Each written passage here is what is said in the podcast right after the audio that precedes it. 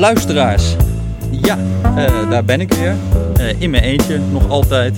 Ja, we hebben een traditie in deze podcast dat wij onze gasten meestal een beetje ronkend aankondigen. En eh, ja, dan mis ik toch altijd mijn collega Rutger wel een beetje, want die is daar over het algemeen wat beter in dan ik. Dan zitten we weer ergens met de grootste denker van de lage landen of met een activist waar iemand al 20 jaar, waar die al 20 jaar fan van is en zo. Ehm, nou, ik heb daar altijd wat meer moeite mee, maar deze keer heb ik daar wat minder moeite mee, want ik ben ook daadwerkelijk een enorme fan uh, van onze gast. Ik denk dat de luisteraars ook wel weten dat het voor mij niet zo heel erg veel nodig is om af en toe een beetje te vervallen in uh, politiek cynisme. Dat is een uh, spijtige karaktertrek.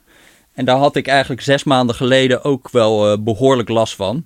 Nou, we hebben het hier ook in de podcast hebben we het daar toen over gehad. Over de vier woorden op een A4'tje. Waarna de hele politiek in de brand stond.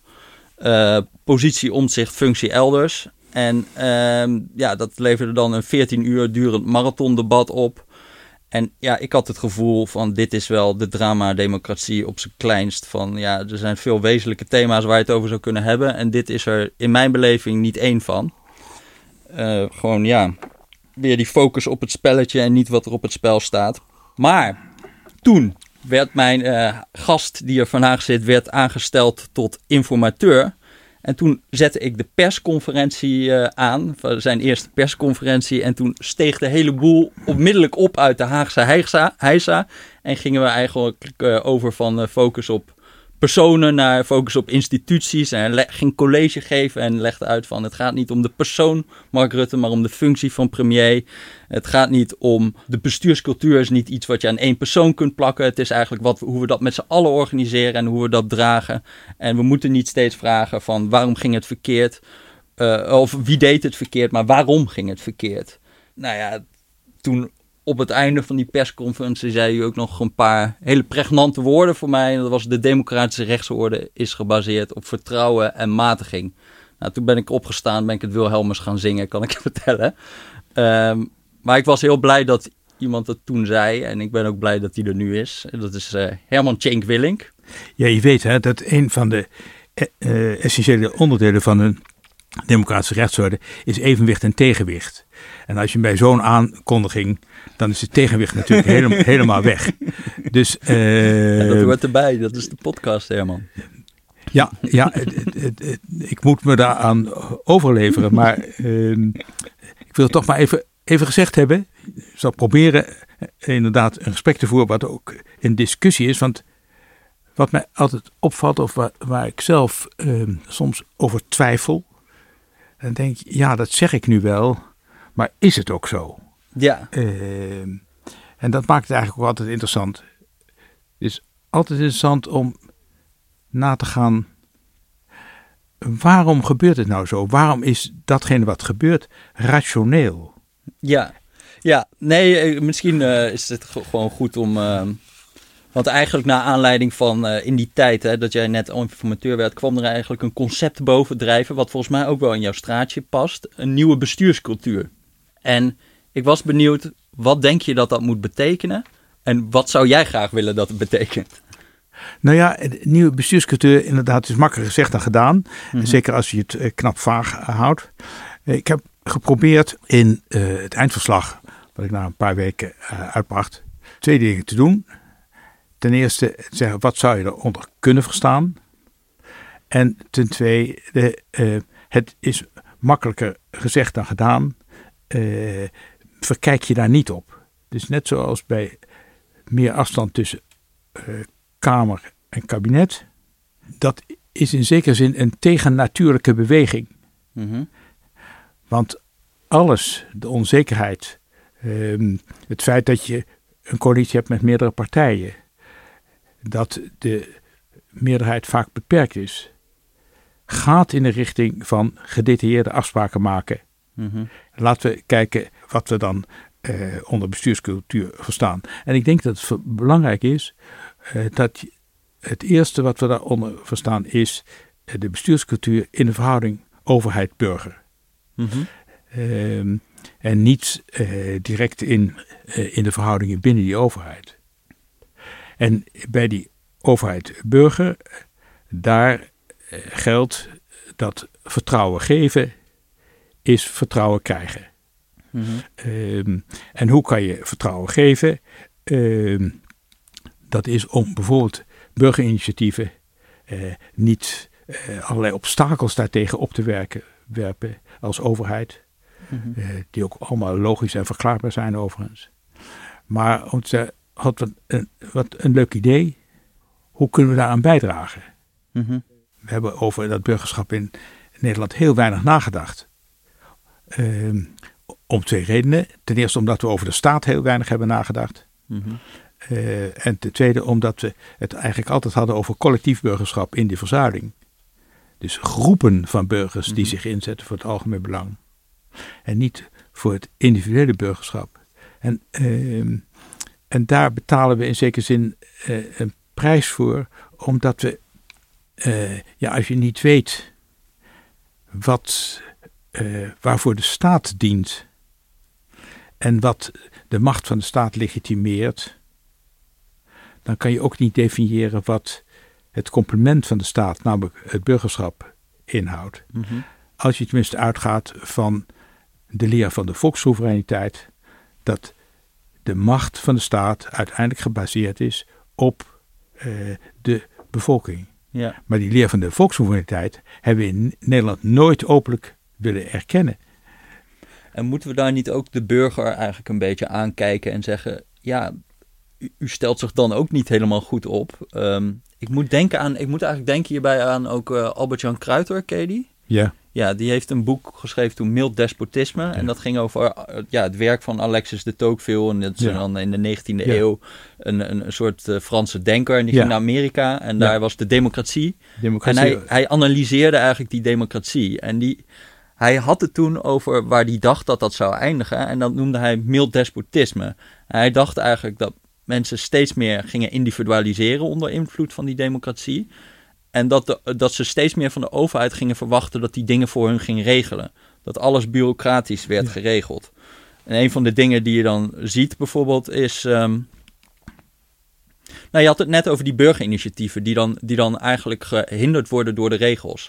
Vaak is dat dat burgers bijvoorbeeld verwachten dat wij een zwembadenrichtlijn hebben.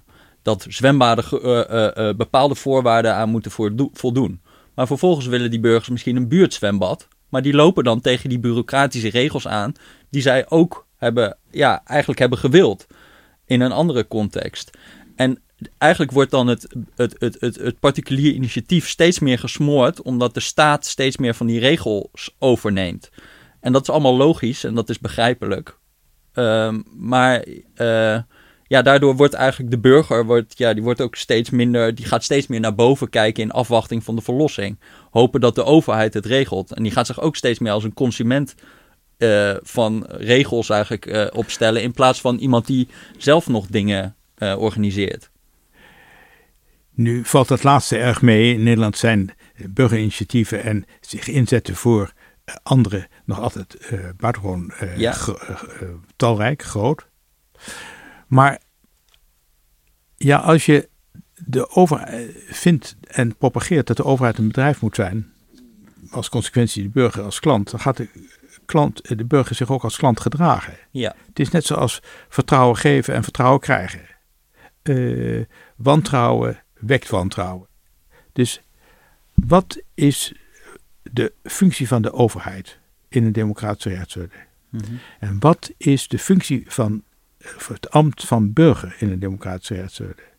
En het interessante is dat in de Nederlandse traditie, weliswaar in collectieve vorm, wat ik dus noem collectief burgerschap, dat zaken aan burgers overlaten eigenlijk heel sterk ontwikkeld was.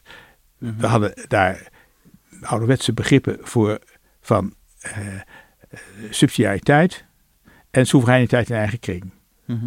Dus de gedachte dat wat in het algemeen belang is, niet alleen door de overheid kan worden bepaald, maar ook door burgers zelf. Dat je naast een vertegenwoordigende democratie een, een maatschappelijke democratie hebt.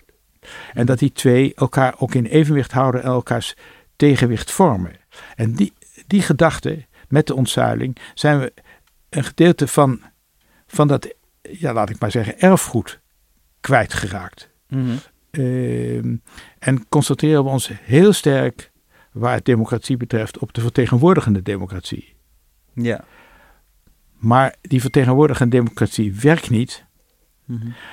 als je de burgers niet het gevoel geeft dat ze in hun eigen omgeving nog greep hebben op de zaken Mhm. en greep hebben op hun eigen leven en ook een eigen inbreng kunnen leveren in datgene wat ze wenselijk achten en daarop ook kunnen worden aangesproken. Mhm. Het- ehm, en dat, dat zag je, die, die pandemie en die lockdown Mhm. eh, van de afgelopen jaar is in veel opzichten denk ik een buitengewoon interessant verschijnsel.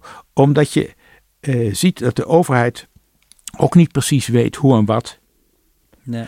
En voor het ehm, bestrijden van het virus, waarvan je niet helemaal weet hoe het zich zal gedragen. eh, wat de betekenis, die zich alleen, eh, een virus wat zich alleen maar laat kennen door de gevolgen, economisch, maatschappelijk, eh, wereldwijd. Dat, die, eh, dat, dat eh, de politiek, dat de overheid een beroep moet doen op de medewerking van de burgers. Ja, ja ik, vind, ik vind het ook gewoon wel bemoedigend als je nou kijkt naar omliggende landen. Nou ja, de VS is altijd toch wel een beetje een doembeeld. Waar je ziet dat bijvoorbeeld die vaccinatiebereidheid zo extreem laag is. En dan in Nederland komen we toch op 90, 95 procent. Wat ook een toonbeeld is van het vertrouwen wat wij nog altijd wel hebben in de overheid. Dat is, dat, dat is ook wel, ja, je kan altijd een beetje pessimistisch worden van politiek. Die neiging heb ik ook wel. Maar we hebben wel een, nog wel een sterke nou ja, maatschappij eigenlijk die vertrouwen heeft in, in, in de overheid en waar niet alles is vergiftigd door, door, door dat politieke. Zoals in Amerika is het zeg maar dat republikeinen dan vanwege dat het, dat het een polariserende kwestie wordt bijna dat vaccinatie. Dat is, dat is heel eng. Maar dat hebben wij eigenlijk nog niet. Nee, dat heb- hebben we niet, maar we moeten eh, niet denken dat, dat het feit dat we dat niet hebben, dat dat een natuurgegeven Nee, is. nee, tuurlijk, tuurlijk. Tuurlijk. het, het, het, hetzelfde, ik bedoel, het hele betoog van het boekje wat ik een paar jaar geleden schreef en nu opnieuw eh, is heruitgegeven met, eh, met aanvullingen, is gebaseerd op het feit dat het functioneren van de overheid zelf de democratische rechtsorde uitholt. Mhm. Dus dat is niet een buiten- buitenlandse mogendheid, misschien ook. Eh, dat is dus niet eh, eh, de criminaliteit, misschien ook. Maar het functioneren van de overheid zelf. Overal in alle systemen, of je het nou hebt over klimaat. Of zo'n ingewikkeld systeem als maatschappij en overheid. Waar verbindingen belangrijk zijn. Is het niet onderhouden van verbindingen eh, buitengewoon griezelig. Mhm. Want op een gegeven moment, ja, zoals in, bij betonrot, het beeld wat ik gebruik, het zie je een hele tijd niet. En plotseling laat de verbinding los. Mhm. En dan is er geen houden meer aan. Dat is wat bij klimaat aan, aan, aan de hand is. Mhm. Eh, dus eh, er is alle reden om eh, Waakzaam te zijn. je- ja, alert te blijven. En je ook te realiseren dat, dat je daar zelf iets aan kan bijdragen. Eh, als burger of, in je, eh, of als journalist eh, of, in, eh, of als rechter, die eh, allemaal een zeker bewustzijn moeten hebben van eh, de normen die we, eh, die we volgen, die we, de spelregels die we eh, in acht hebben te nemen. Waarom? Omdat een maatschappij draait niet op wetten Mhm. de ma- maatschappij draait op, eh, op gedrag, op spelregels. Mhm. Waarom doe je dat? Omdat we dat zo hebben afgesproken. Mhm. En als je dat dus je niet realiseert en dat niet onderhoudt, Mhm. dan vloeit dat langzaam weg. Want iets wat niet geleerd is, hoe zou je dat weten? Ja, ja, ja, precies. Ja. Dus, ehm, en dat heeft dus te maken met, eh, met opvoeding, eh, heeft te maken met scholing, heeft te maken met voorbeeldwerking. eh, maar het feit dat eh, verruwing van taal Mhm. doordringt tot de volksvertegenwoordiging, Mhm. dan kan je wel zeggen, nou, maar daarom zijn ze ook volksvertegenwoordiging. Je hoeft niet, eh, je hoeft je niet in te houden. Je kan het ook omdraaien. Je kan ook zeggen, Juist omdat je vindt dat het in de maatschappij, eh, dat het de maatschappij schade doet, Mhm. als dat een algemene trend wordt, moet je in de volksvertegenwoordiging iets meer eh, op je woorden letten. Ja, en wat ik, voor, wat, wat ik, wat ik, eh, ik, ik sprak laatst met eh, iemand die was Kamerlid bij GroenLinks geworden. En die vertelde dat Kees Vendrik, die nog? Ja. Ook een oud GroenLinks-Kamerlid, die ging iedereen dan uitleggen van hoe doe je dat nou, oppositie voeren. En die vertelde dat hij vond dat eh, GroenLinks kwaliteitsoppositie moet doen. Dat betekent niet de hele tijd zeggen, dit is fout en dit kan niet en dit klopt niet. Maar ook alternatieven schetsen. Eh, Het stelt alleen wat voor als jij kan vertellen waarom het ook beter kan. En ik heb het gevoel dat dat, ik vond het een heel interessant ding, inderdaad kwaliteitsoppositie. En dat het daar heel erg aan ontbreekt. Dat we heel vaak gewoon zeggen, het is een, in de politiek dat steeds meer gebruikelijk wordt, om- is om te zeggen, het is een puinbak en het klopt niet en het deugt niet. En dat, dat er eigenlijk niet meer serieus wordt nagedacht, oké, maar hoe kan het dan beter? En, en, Ja, en dat heeft te maken met het denken in eh, wat mij dierbaar is, omdat ik vind dat daar het stelsel op gebaseerd is, in evenwicht en tegenwicht, Mhm, in macht en tegenmacht. mhm, Dus als het evenwicht ontbreekt, dat het uit de bocht vliegt, dan heeft, is dus het tegenwicht onvoldoende geweest. Een van de redenen waarom ik, eh, volgens sommigen denk ik, eh, bespottelijk lang zo doorga, eh, en nu ook dat boekje, maar ook informateurschap, terwijl ik ook bij mezelf wel eens denk, ja, waarom doe je dat? En als ik het goed bij mezelf naga, ten eerste er moet iets gebeuren. En ik vind dat je als burger daaraan moet bijdragen, tenzij er absolute verhindering is. Maar het tweede is het overdragen van het collectief geheugen. Ik heb de kans gehad om in 50 jaar allerlei dingen mee te maken, mhm, eh, situaties in politiek en bestuur. Eh, en dat levert ook dat levert kennis op, dat levert geheugen op. Dat geheugen moet je overdragen. mhm, Want je kunt niet aan de ene kant zeggen, ze weten, ze weten van niks meer Ja. tegenwoordig.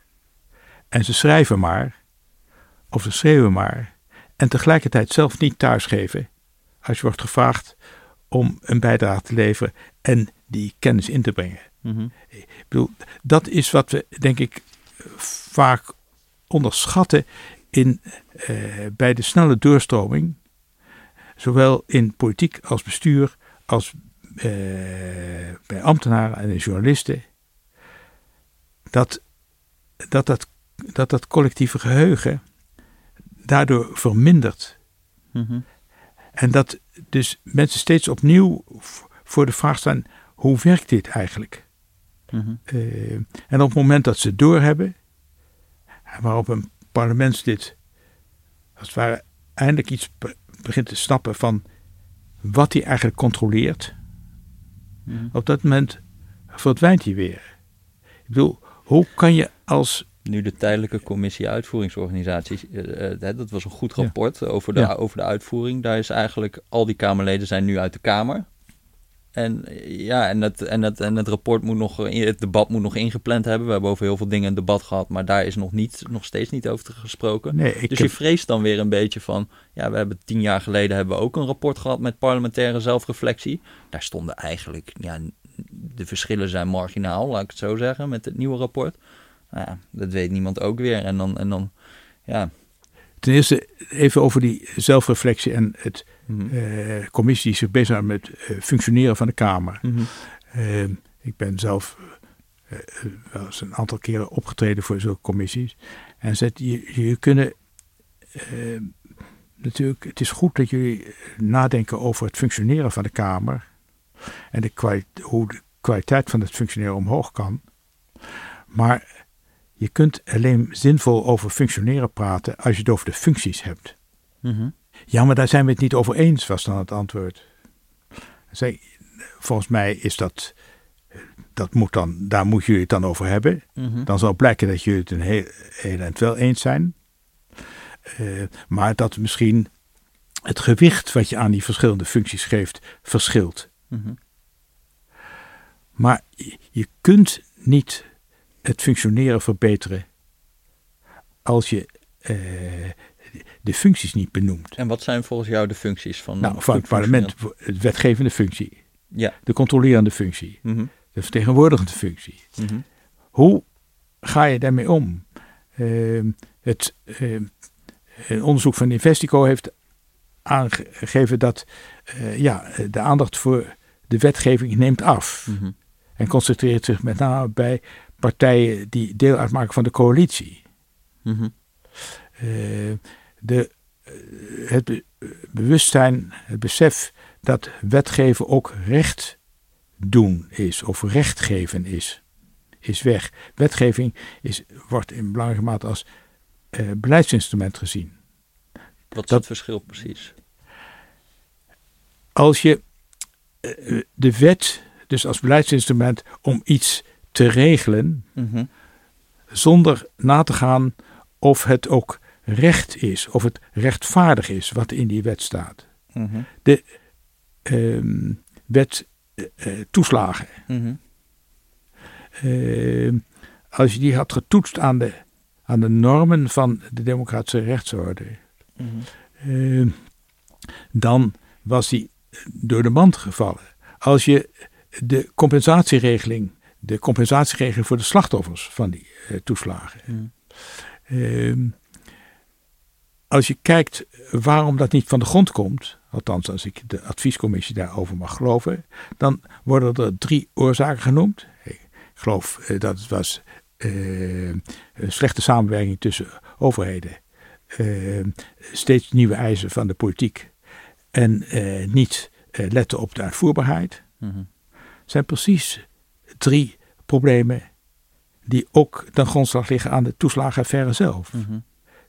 Dus, eh, en dat, dat gebeurt nadat de tijdelijke commissie uitvoeringsorganisaties advies heeft uitgebracht. Laten wij meer kijken naar de uitvoerbaarheid. Mhm. Ehm, dus de gedachte dat eh, als de Kamer het rapport al bespreekt, als de Kamer vervolgens eh, de aanbeveling al aanneemt, Mhm. als de Kamer oprecht van plan is om daaraan gevolg te geven, is Mhm. de vraag of het gebeurt. Het gebeurt pas als naar aanleiding van het rapport die uitvoeringsorganisaties zeggen, maar je zou ons toch inschakelen Mhm. voordat je iets, eh, een, een wet aannam. Je zou toch aan ons vragen of het uitvoerbaar is. Dat heb je niet gedaan. Eh, het is volstrekt onuitvoerbaar. Mensen komen daardoor in de klem. Wij doen het dus niet.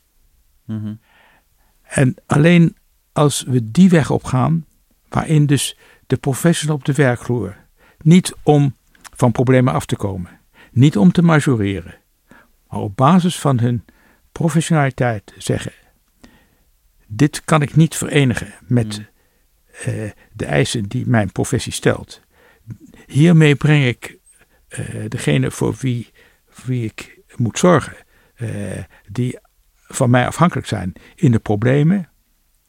Ik kan dat dus niet eh, rechtvaardigen. Mhm. Ik vind dat veel eh, luider en dan niet door individuele professionals op werkvloer, maar gezamenlijk. ehm, dat aan de politiek moet worden bericht. Natuurlijk kan je politiek verwijten dat ze weinig aandacht aan die uitvoerbaarheid en uitvoering besteedt. Maar als uitvoerders zich ook stilhouden en dat Mhm. als het ware niet eh, dat terugberichten. Mhm. En datzelfde geldt voor de rechter. Hoe kan in het geval van het terugbericht van de rechter aan de wetgever, hoe kan de wetgever het weten? Ja. Natuurlijk kan hij zelf eh, eh, een onderzoek gaan instellen. Van werkt de wet wel zoals we hadden bedoeld. Maar het zou een slok om borrel schelen, als de rechter naar aanleiding van de toepassing van die wet en de geschillen die daaruit voortvloeien, zo nu en dan zegt, lijkt me toch goed dat u op dat dat onderdeel nog naar die wet kijkt. Ja. Dat is ehm, invulling geven aan het besef dat je wederzijds van elkaar afhankelijk bent als wetgever en rechter. Mhm. Ja, en, en we hebben net een beetje, nou ja, over Tweede Kamerleden toch een beetje sceptisch gesproken. Maar ik wil dan toch ook kijken van waarom doen zij dat dan op deze manier? Waarom is er dan bij hun zo weinig aandacht voor wetgeving? Uh, en dan kijk ik naar mijn eigen professie. Uh, ik weet dat, ja, ik citeer het wel vaker, maar er is een onderzoek van Linda Melenhorst, dat is een politicologe. Ja. En die keek van hoeveel van de parlementaire behandeling van wetgeving wordt nu verslagen in Nederlandse dagbladen.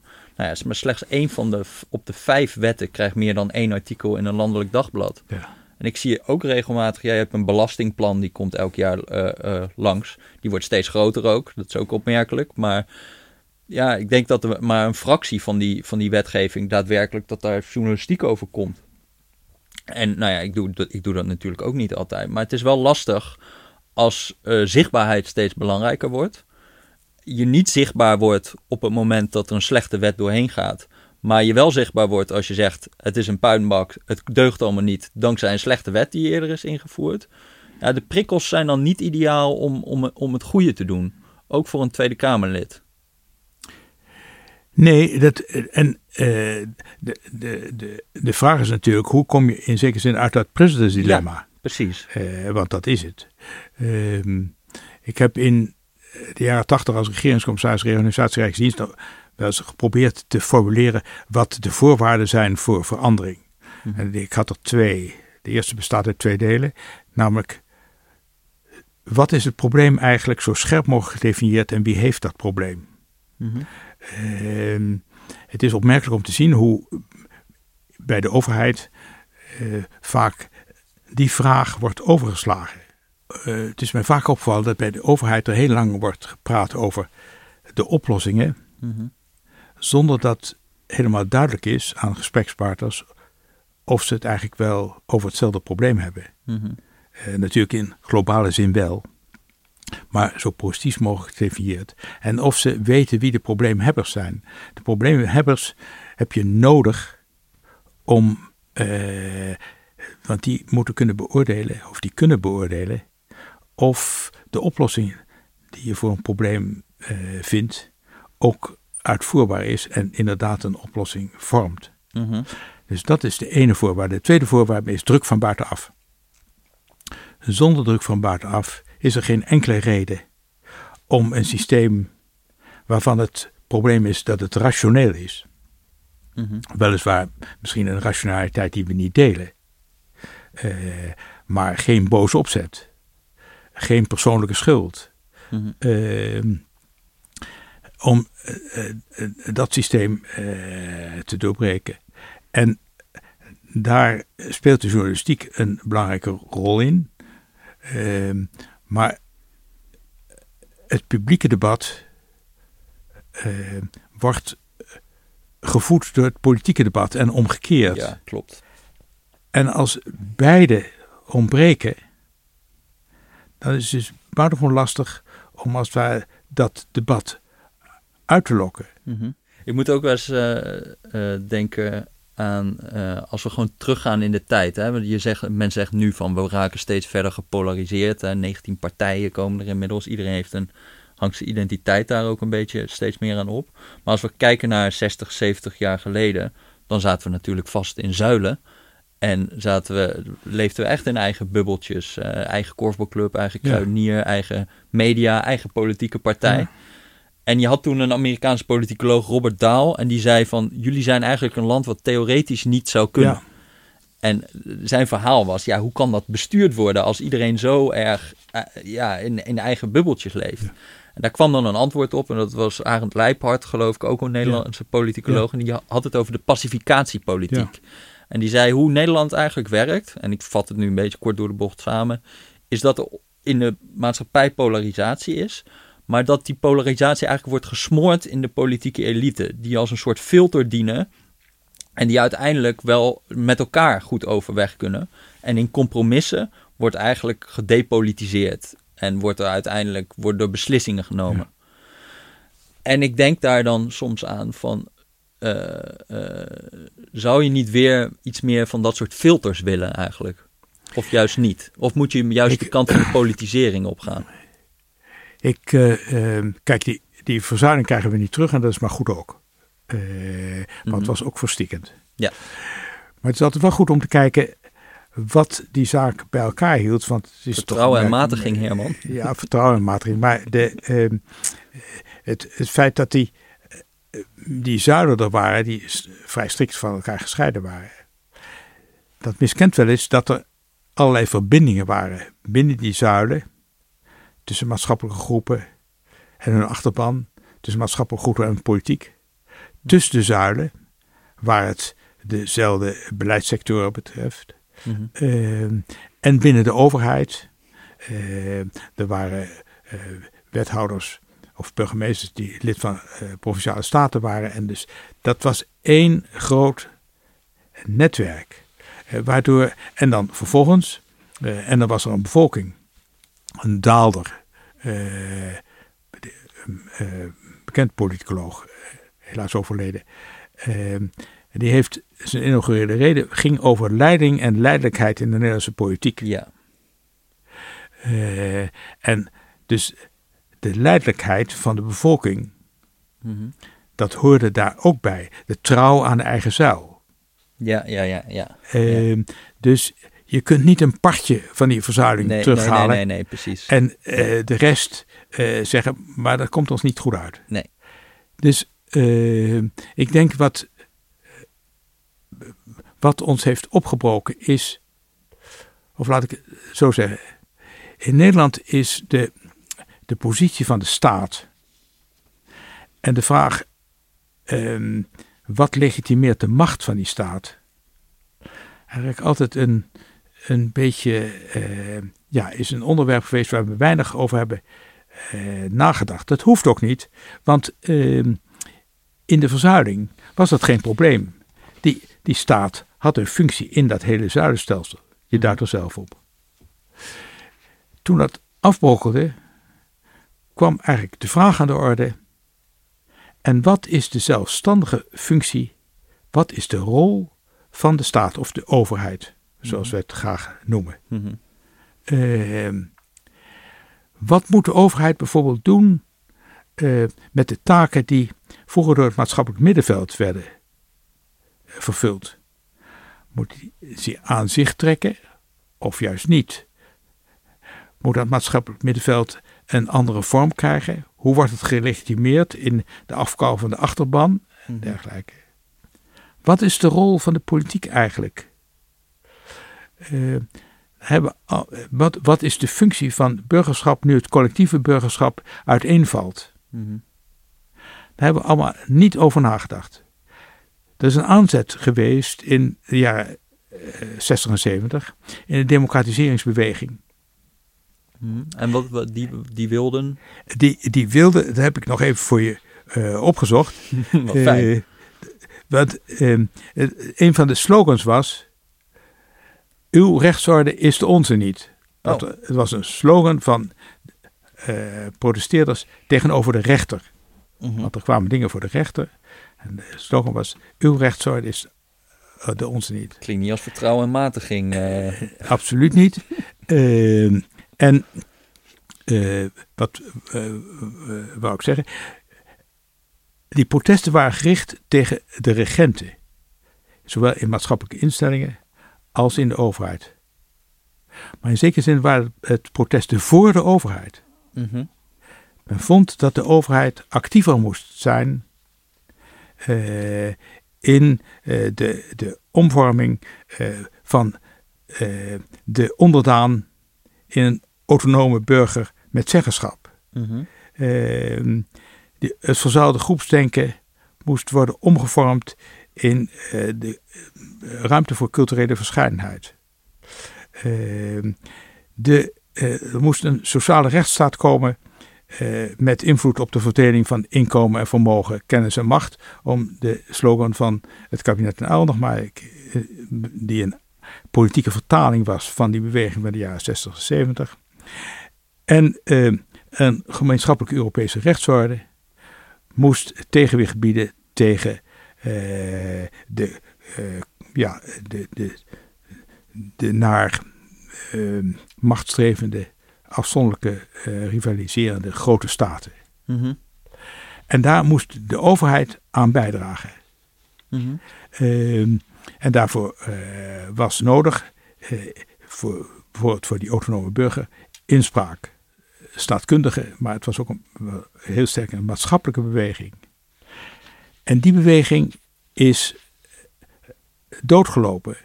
Mm door allerlei omstandigheden die misschien nu te ver voeren.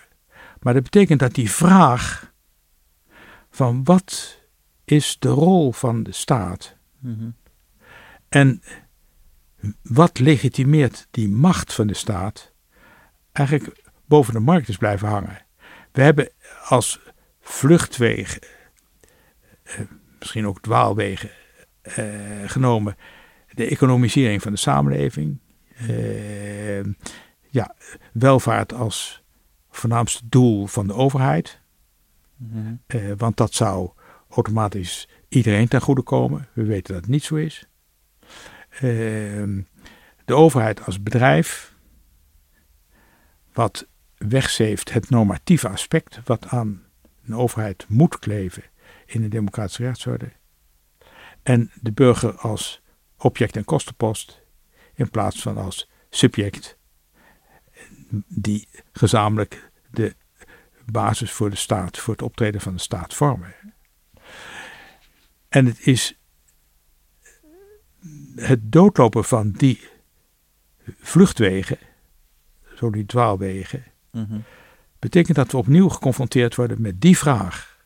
De sociale grondrechten zijn eigenlijk de, de, de neerslag in de grondwet van een ontwikkeling die na de oorlog begon, namelijk wederopbouw en uh, de uh, vorming van de verzorgingsstaat. Daar zijn die grondrechten het, de neerslag van. Mm Want voor, voor de, de, luisteraar, de sociale grondrechten, dat is bijvoorbeeld iedereen heeft recht op een baan, iedereen heeft recht op een woning. Ja, dus, iedereen, toch dat, ja, dat soort dingen. Zo, het, dus staat beter geformuleerd als uh, onderwijs is een zorg, aanhoudende zorg van de overheid. Ja, ja. Uh, werkgelegenheid, uh, culturele ontplooiing. Nou, ja, dus ik zei het wat scherp, maar, het is een nou, taak van de overheid. Het, is, de overheid heeft de verantwoordelijkheid om voor werkgelegenheid te zorgen. Dat kan natuurlijk via de private sector. Maar een van de vragen die politieke partijen zich zouden moeten stellen is bijvoorbeeld: wat vat je onder het begrip arbeid? Mm in de zin van ontplooiing. Mhm. En wat uh, doet de overheid als de private sector die arbeid niet levert of discrimineert mhm. of mensen buiten de boot vallen? Mm moet je dan zeggen, ja, nu moet ik die uh, private sector stimuleren dat ze het toch maar doen? Of is er dan een, een taak voor die overheid zelf? Ja. Daar zal verschillend over worden gedacht. Daarom zijn we democratie. Dat is verscheidenheid. Mm Maar over dat soort zaken moeten we dus opnieuw nadenken. Mag ik in de lijn daarvan iets vragen? Want er begint nu ook een discussie te ontstaan, ook naar aanleiding van de toeslagenaffaire. Uh, behoeft misschien wat uitleg, maar je hebt de Algemene Wet Bestuursrecht. En dat is eigenlijk een soort van grondwet voor elk overheidsbesluit, zou je kunnen zeggen. Het is een voorwaarden waaraan moet worden voldaan. En die zijn best wel algemeen geformuleerd. Dus een van die voorwaarden is evenredigheid. Ja. Uh, een besluit wat een overheid maakt, of jij wel of niet een uitkering krijgt, of jij wel of niet ergens mag bouwen, bijvoorbeeld, moet in verhouding staan uh, tot het doel. Dus als jij heel erg wordt uh, benadeeld door een besluit van de overheid, dan moet er worden eigenlijk gekeken: ja, is dit nog wel redelijk? Is dit nog wel, ja. past dit nog wel? Nou was het altijd zo dat dat evenredigheidsbeginsel niet voorgaat op de wet. Dus als er in de wet gewoon staat, nou ja, uh, het kan prima zo zijn dat jij uh, in een scheiding ligt en niet hebt opgelet en nu je huis uit wordt gezet omdat wij deze uitkering gaan terugvorderen. Maar ja, de wet zegt nu eenmaal dat het zo is en dan gaan wij ook niet toetsen aan het evenredigheidsbeginsel. We gaan niet kijken van, uh, deugt dit nog wel? De, de wetgever heeft bepaald dat dat zo moet. Dat staat dwingend in de wet. En de rechter mag dus niet gaan kijken, uh, is dit evenredig? Nu begint daar eigenlijk langzaamaan een kanteling te komen. Nou, dat gaat eigenlijk heel rap. Waarin we gaan zeggen dat evenredigheidsbeginsel gaat voor op wat de wetgever heeft besloten. Dus eigenlijk mag de rechter gaan toetsen van, eh, die mag eigenlijk de wet terzijde schuiven. Als hij zegt van dit is niet evenredig. En ik ben benieuwd hoe jij daarnaar kijkt. Want het is best wel een ingrijpende wijziging in nou ja, de staatsrechtelijke verhoudingen, zou ik zeggen. De rechtspraak krijgt, kan nu eigenlijk een wet opzij schuiven. Nou, ten eerste, ehm, de rechter heeft vaak ruimte. Waarom? Omdat die wet maar een onderdeel is van het stelsel waaraan hij, beslissingen, waar hij of zij beslissingen moet toetsen. Het is ook de Europese regelgeving. Er zijn de algemene beginselen van behoorlijk bestuur. Er zijn dus, het is een complex waar eh, die, die wetgever steeds eh, moet assembleren en zeggen: ja, eh, hoe moet ik deze wet nu interpreteren tegen de achtergrond van datgene wat Europa eist, tegen de achtergrond van wat eh, in Straatsburg eh, de Straatsburg jurisprudentie is. Nou, Mhm. dus daar zit allerlei omstandigheden waardoor die rechter heel vaak zegt, nou, dit lijkt me nu recht, dit lijkt me nu billijk. Ik, Mhm. ehm, even tussendoor, ik heb wel eens met een collega eh, in de Raad van State over gehad van hoe zie je dat vak nou? Toen zei ze, weet je, als ik dat hele dossier heb gelezen, dus alle feiten heb met, tot me heb genomen, dan ehm, ga ik zitten en denk ik, wat vind, zou ik in dit geval nu billijk vinden, Mhm. rechtvaardig vinden? Niet vanwege mijn persoonlijke opvatting, maar als vanuit mijn vak, kennende de jurisprudentie. Wat is rechtvaardig?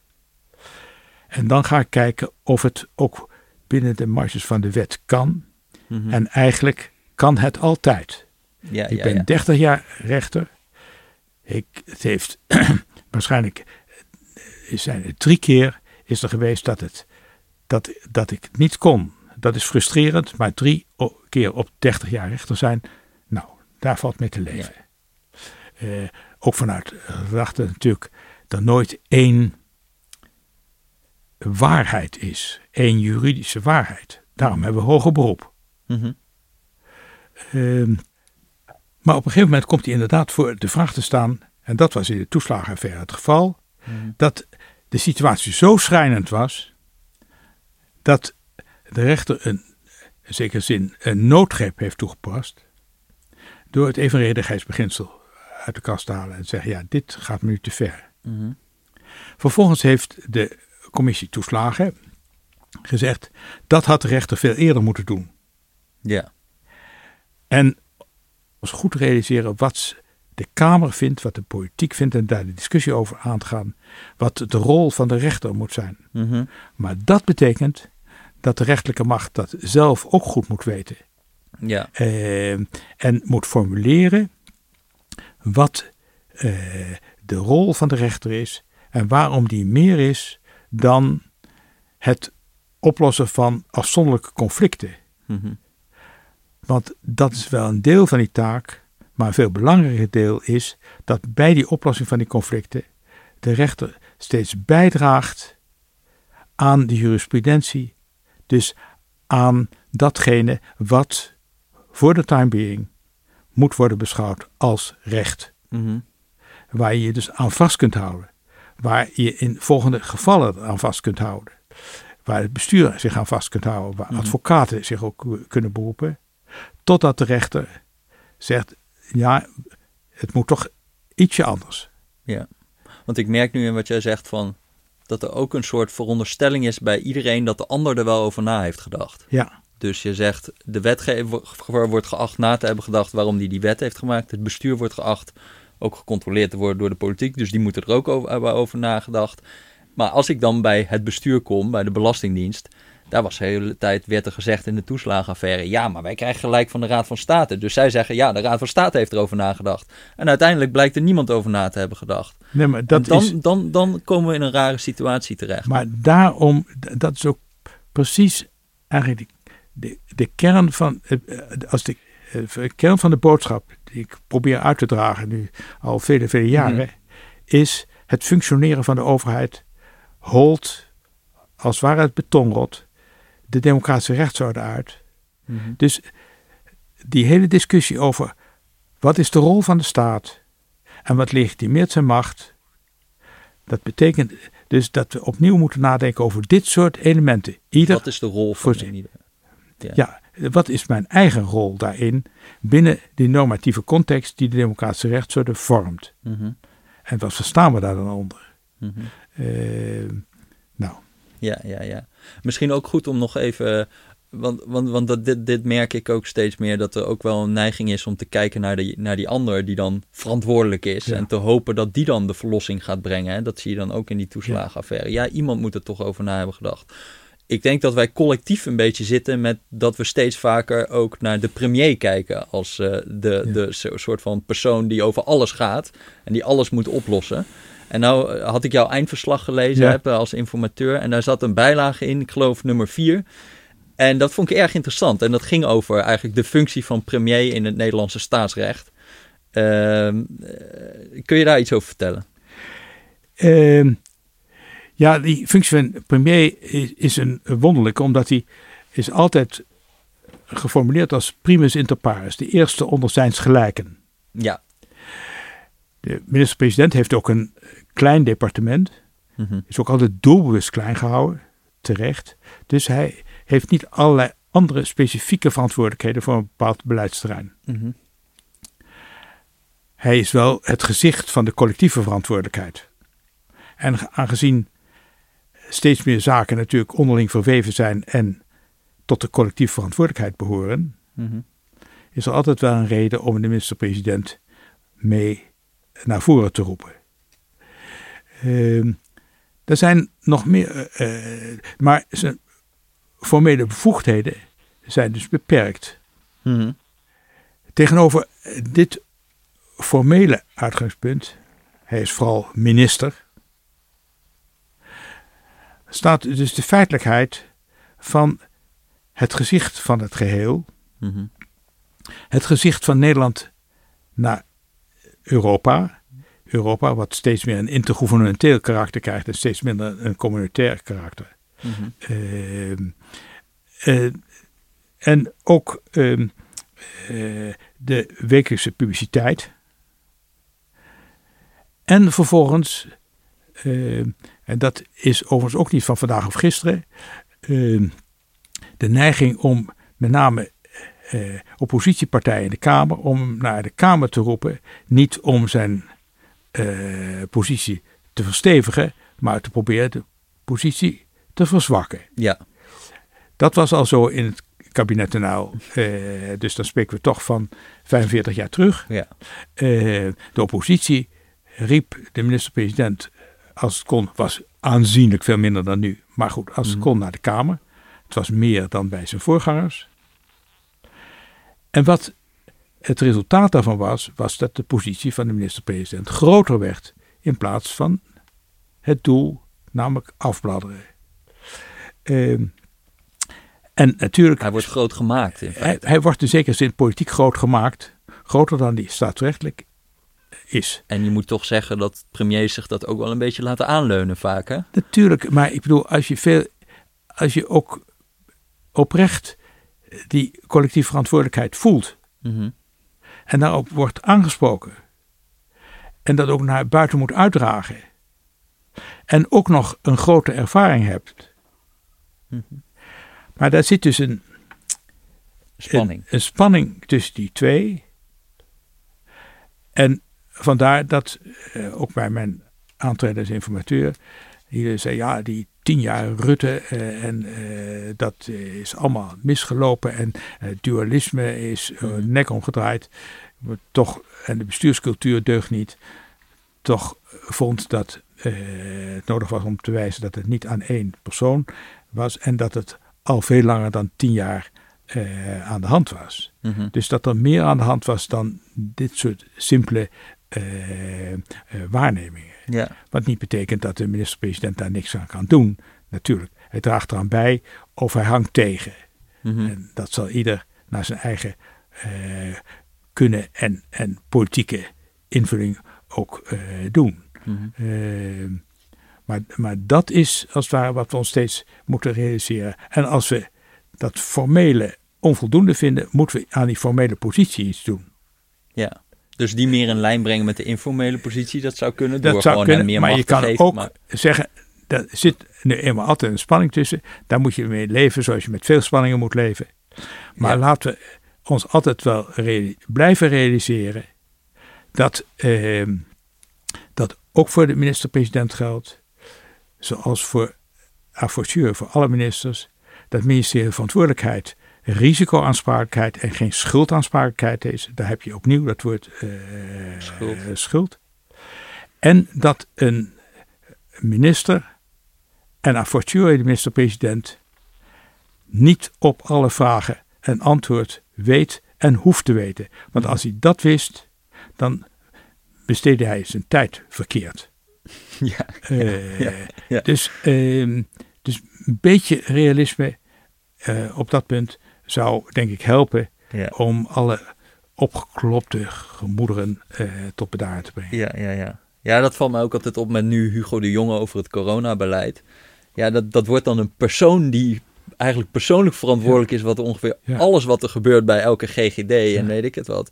Ja, de werkelijkheid is natuurlijk dat die beslissingen waarschijnlijk op een veel lager niveau worden genomen. En goddank, want dat zou wat worden, zegt dat, dat, dat, Ja. dat alles op die minister zou afhangen. Maar de minister is er wel op aanspreekbaar. Ja, tuurlijk, Dus dat tuurlijk. is de. dat is ook het paradoxale wel dat een is beetje. Het, dat- dat is. Dat is niet zo eh, paradoxaal. Dat is. ehm, ik denk dat het de enige manier is waarop dat systeem kan werken. Door als daar een risicoaanspraak en als het risico zich voordoet. De voornaamste vraag is. Niet met de wijsheid van nu zeggen dat je dat altijd, eh, altijd wel hebt voorspeld. Maar na te gaan. Wat zijn de maatregelen die nodig zijn om dat risico in de volgende, eh, de volgende keer te voorkomen? Mhm. En wat in ieder geval niet helpt, is eh, proberen alle risico's altijd overal uit te sluiten. En wat, hoe kijk je tegen dit, die achtergrond van... je had natuurlijk die hele, de hele discussie over meer dualisme en zo. Hè? Ja. Dat, dat, dat, dat, dat kwam nu. Dus we willen eigenlijk meer dat er meer debat is in de Kamer... en dat daar besluiten worden genomen. Wat ik wel opmerk vond, wat mij werd verteld... eh, is dat in feite in Rutte 3... eh, je die coalitieoverleggen de hele tijd had op maandag. Hè? Ja. Dus dan gingen alle fractieleiders gingen dan praten Ja. met ministers of bewindspersonen. En dat toch ministers vaak het gevoel hadden dat zij een soort uitvoerende dienst werden van de Tweede Kamer. En niet andersom. Het was niet zo dat, dat soort van de regering hier de, de touwtjes in handen hadden, maar de fractieleiders. Dat is natuurlijk complexer dan dat. Hè. Ja. Dus, eh, ja, er is altijd een kennisachterstand, maar vaak hadden zij het gevoel dat ze huiswerk kregen eigenlijk in, zo'n, in, in die coalitieoverleggen. Waar, wat betekent dat dan eigenlijk, dat dualisme? Want ik krijg de indruk dat het vaak een beetje wordt gedacht dat het nu al andersom is. Dat de regering eigenlijk de dienst uitmaakt. Ik denk dat je eh, je goed moet realiseren dat dat maandagochtendoverleg en het gebrek aan dualisme rationeel is. Mhm. Ik bedoel, eh, dat is ook wat ik heb voorgehouden. Eh, de, de- we hadden het er geloof ik zo net eh, al even over. Dat eh, dikke, of in ieder geval regeerakkoorden vol regelingen, die zijn er niet voor niks. Nee. Dat is om ervoor te zorgen, eh, te laten zien dat eh, iedereen eh, iets heeft gekregen. Mhm. Dat is om eh, ervoor te zorgen dat niet bij het minste en geringste de coalitie vaak met een krappe meerderheid eh, uit elkaar valt. Mhm. Dat zorgt dus voor stabiliteit. Het heeft alleen wel steeds, althans in mijn ogen, ja, grotere bezwaren. Namelijk dat het politieke debat niet plaatsvindt. Mhm. Want ehm, de, de, ja, de uitkomst staat vast in Ja. eh, bepaalde dingen.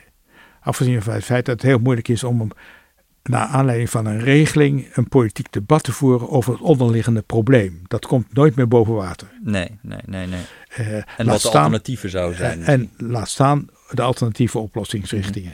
Dat is één nadeel. Daar tegenover staat, of daarbij moet wel worden opgemerkt, dat ook als er ruimte is voor het politieke debat, dat politieke debat niet plaatsvindt. Mhm. Eh, ik bedoel, ik vind nogmaals die, bij die pandemie, eh, de, de debatten, de politieke debatten over de pandemie, pandemie en de lockdown en dergelijke, zijn eigenlijk nooit gegaan over de vraag: wat is nu de oorzaak van het probleem? Waar, ja, dat virus. Mhm. Maar is het nou echt het virus? Of zijn het de gevolgen van het virus? Of is het feit dat die gevolgen onmiddellijk wereldwijd doorwerken? Mhm. Wat is het probleem eigenlijk wat we aan het bestrijden zijn, behalve de gezondheid? Mhm. Eh, het ging over het aantal mondkapjes. Gaan we het zelf aan. Eh, of over de vraag of een eh, avondklok een half uur eerder of later moet ingaan. Mhm. Terwijl eerst wordt gezegd dat het een principiële ingreep is in de vrijheid van de burger. Het leek me redelijk overdreven als je keek naar de maatregelen die in buitenlanden werden genomen. Dat je eh, niet een avondklok had, maar een dagklok bij wijze van Mhm. spreken. Eh, om vervolgens eh, te zeggen, we hebben er toch een half uur bij gekregen. Ja, ja. Dus, ehm, dus daar ontbreekt het politiek. De vraag is dus: zijn we wel in staat om een politiek debat te voeren? Mhm. Zoals de vraag is: waarom komt het dat er eigenlijk geen publiek debat wordt gevoerd? Eh, ik denk dat we, het ook komt omdat we geen debatcultuur hebben. Mhm. Eh, ook onderdelen van die uitholling van, democratische, van, in ieder geval van de democratie. Mhm. En de vraag is, wat aan beide partijen, aan beide kanten, Ja, daaraan kan worden gedaan. Dus zowel aan de kant van de regering dat is minder, meer ruimte bieden voor het debat door een, en, misschien een en ook het, in zekere zin het voedsel geven aan het debat. Mhm. Dus het is toch interessant dat, ehm, dat het stuk wat is opgesteld door eh, eh, Rutte en Kaag Mhm. Eh, over eh, voor, wat dan een aanzet is voor hoofdlijnen van, nou goed, eh, Mhm. een mogelijk regeerakkoord, dat dat niet gepubliceerd is. Ehm, dat ja, toch ja, wel die ja, samenvatting Ja, zo? nu wel, Ja. in, in het rapport Hamer. Oh, ja. Maar toen het, je had je ook kunnen voorstellen, nieuwe bestuurscultuur, toch? ja.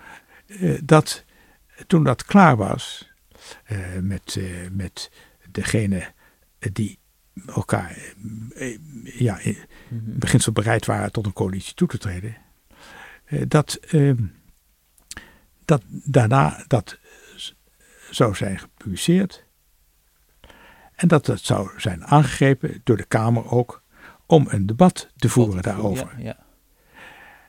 dat legitimeert als het ware ook, eh, of niet als het ware, dat legitimeert, kan legitimeren die formatie. Ja, En de ja. wijze waarop je in die formatie je opstelt. En datgene wat eh, anderen daarvan vinden.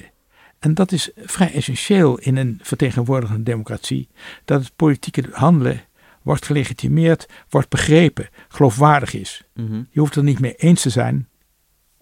Maar als je maar het gevoel hebt dat mensen erover hebben nagedacht, over hebben gediscussieerd. En op een gegeven moment hebben gezegd, nou goed, dan is dit het compromis. Ja, ja, ja, ja. Nee, tuurlijk, ja. En zie je daarin ook gewoon eh, verbeteringen in een soort van ehm, de regels van de Kamer? Van, ik weet bijvoorbeeld dat het aanvragen van spoeddebatten is op een gegeven moment gezegd. Ja. We hebben daar nog maar 30 leden voor nodig. Nou, je ziet dat vervolgens de agenda van die plenaire zaal eh, veel meer door de oppositie wordt gedomineerd dan eerder. Als je, nou ja, als je kijkt naar die lijst van in te plannen debatten, ik had er ook een paar opgeschreven van wat die 30 leden debatten dan zijn. Dat gaat dan nog over vaak ja, vergeten nieuwsberichten van eh, maanden Ja. terug. Eh, eh, ja, zou je, zou je dat gewoon niet meer moeten beperken ook nog? Dat soort Nou dingen. ik denk dat, daar gaat de Kamer natuurlijk zelf over. Ja. Maar dit soort dingen straffen zichzelf altijd af. Want naarmate het aantal uh, dertig leden debatten en spoeddebatten toeneemt, eh, de stapel groeit, worden ze minder spoed en minder actueel. ja, Eh, dat is waar. hetzelfde geldt voor eh, het aantal vragen eh, dat werkelijk ongehoord toeneemt. Mhm. Ehm, nu is dat het goede recht van de Kamer. Dus daar zul je me niet over horen. Maar dat werkt tegen zichzelf. Mhm. De, eh, de Kamer is voor zijn controlerende arbeid heeft hij zich erg afhankelijk gemaakt van de informatie van de gecontroleerde. Mhm. En dat wordt niet beter als eh, de claim is steeds meer informatie van de gecontroleerde. Ja, ja, ja.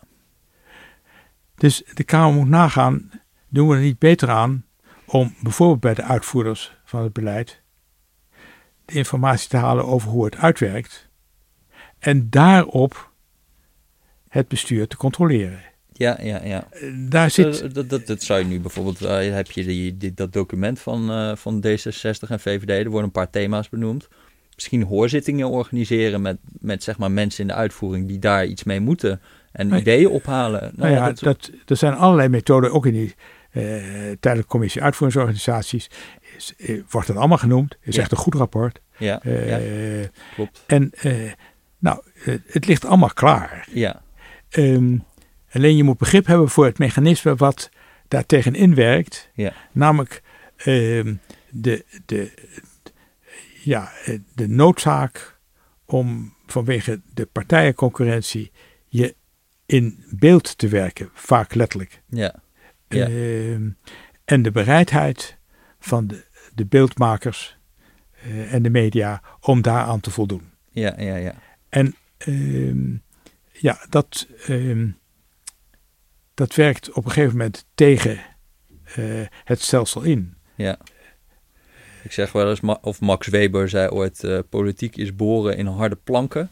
Maar niemand staat heel erg graag te kijken hoe iemand in een harde plank staat te boren natuurlijk. En dat is misschien ook de vloek van politiek. Van dat de dingen die ertoe doen niet altijd heel mediageniek zijn. Niet altijd heel spannend zijn, maar wel vreselijk belangrijk zijn. Maar dat is, dat, eh, daar gaf je zelf aan, dat heeft dus ook te maken met wat media als het ware tot hun professie behoren. Dus als we het hebben over, we moeten in het debat over eh, de staat, de democratische rechtsstaten. Wat betekent dat? Moet het hebben over verschillende functies, dan is het eh, ook de functie van de journalistiek. eh, die geacht wordt om het publieke debat te voeden, uit te leggen, eventueel helemaal aan het eind van een eigen commentaar en mening te voorzien, maar vooral dus eh, aan te geven, dit is het beeld, dit zijn de sentimenten, maar dit zijn de feiten en dit zijn de waarden waar we eh, vonden dat we ons aan moesten houden. Mhm. Eh, en dat vereist dus ook bij eh, journalisten besef van wat eh, de democratische rechtsorde inhoudt, hoe we het hadden bedoeld, eh, waarom het niet lukt en waarom we het toch moeten blijven proberen. Ja, ja, ja. Nou, het lijkt mij een mooi einde. Goed zo. Ja, het was leuk. Nou, Dank je. met genoegen gedaan. Oké. Daarbij, luisteraars.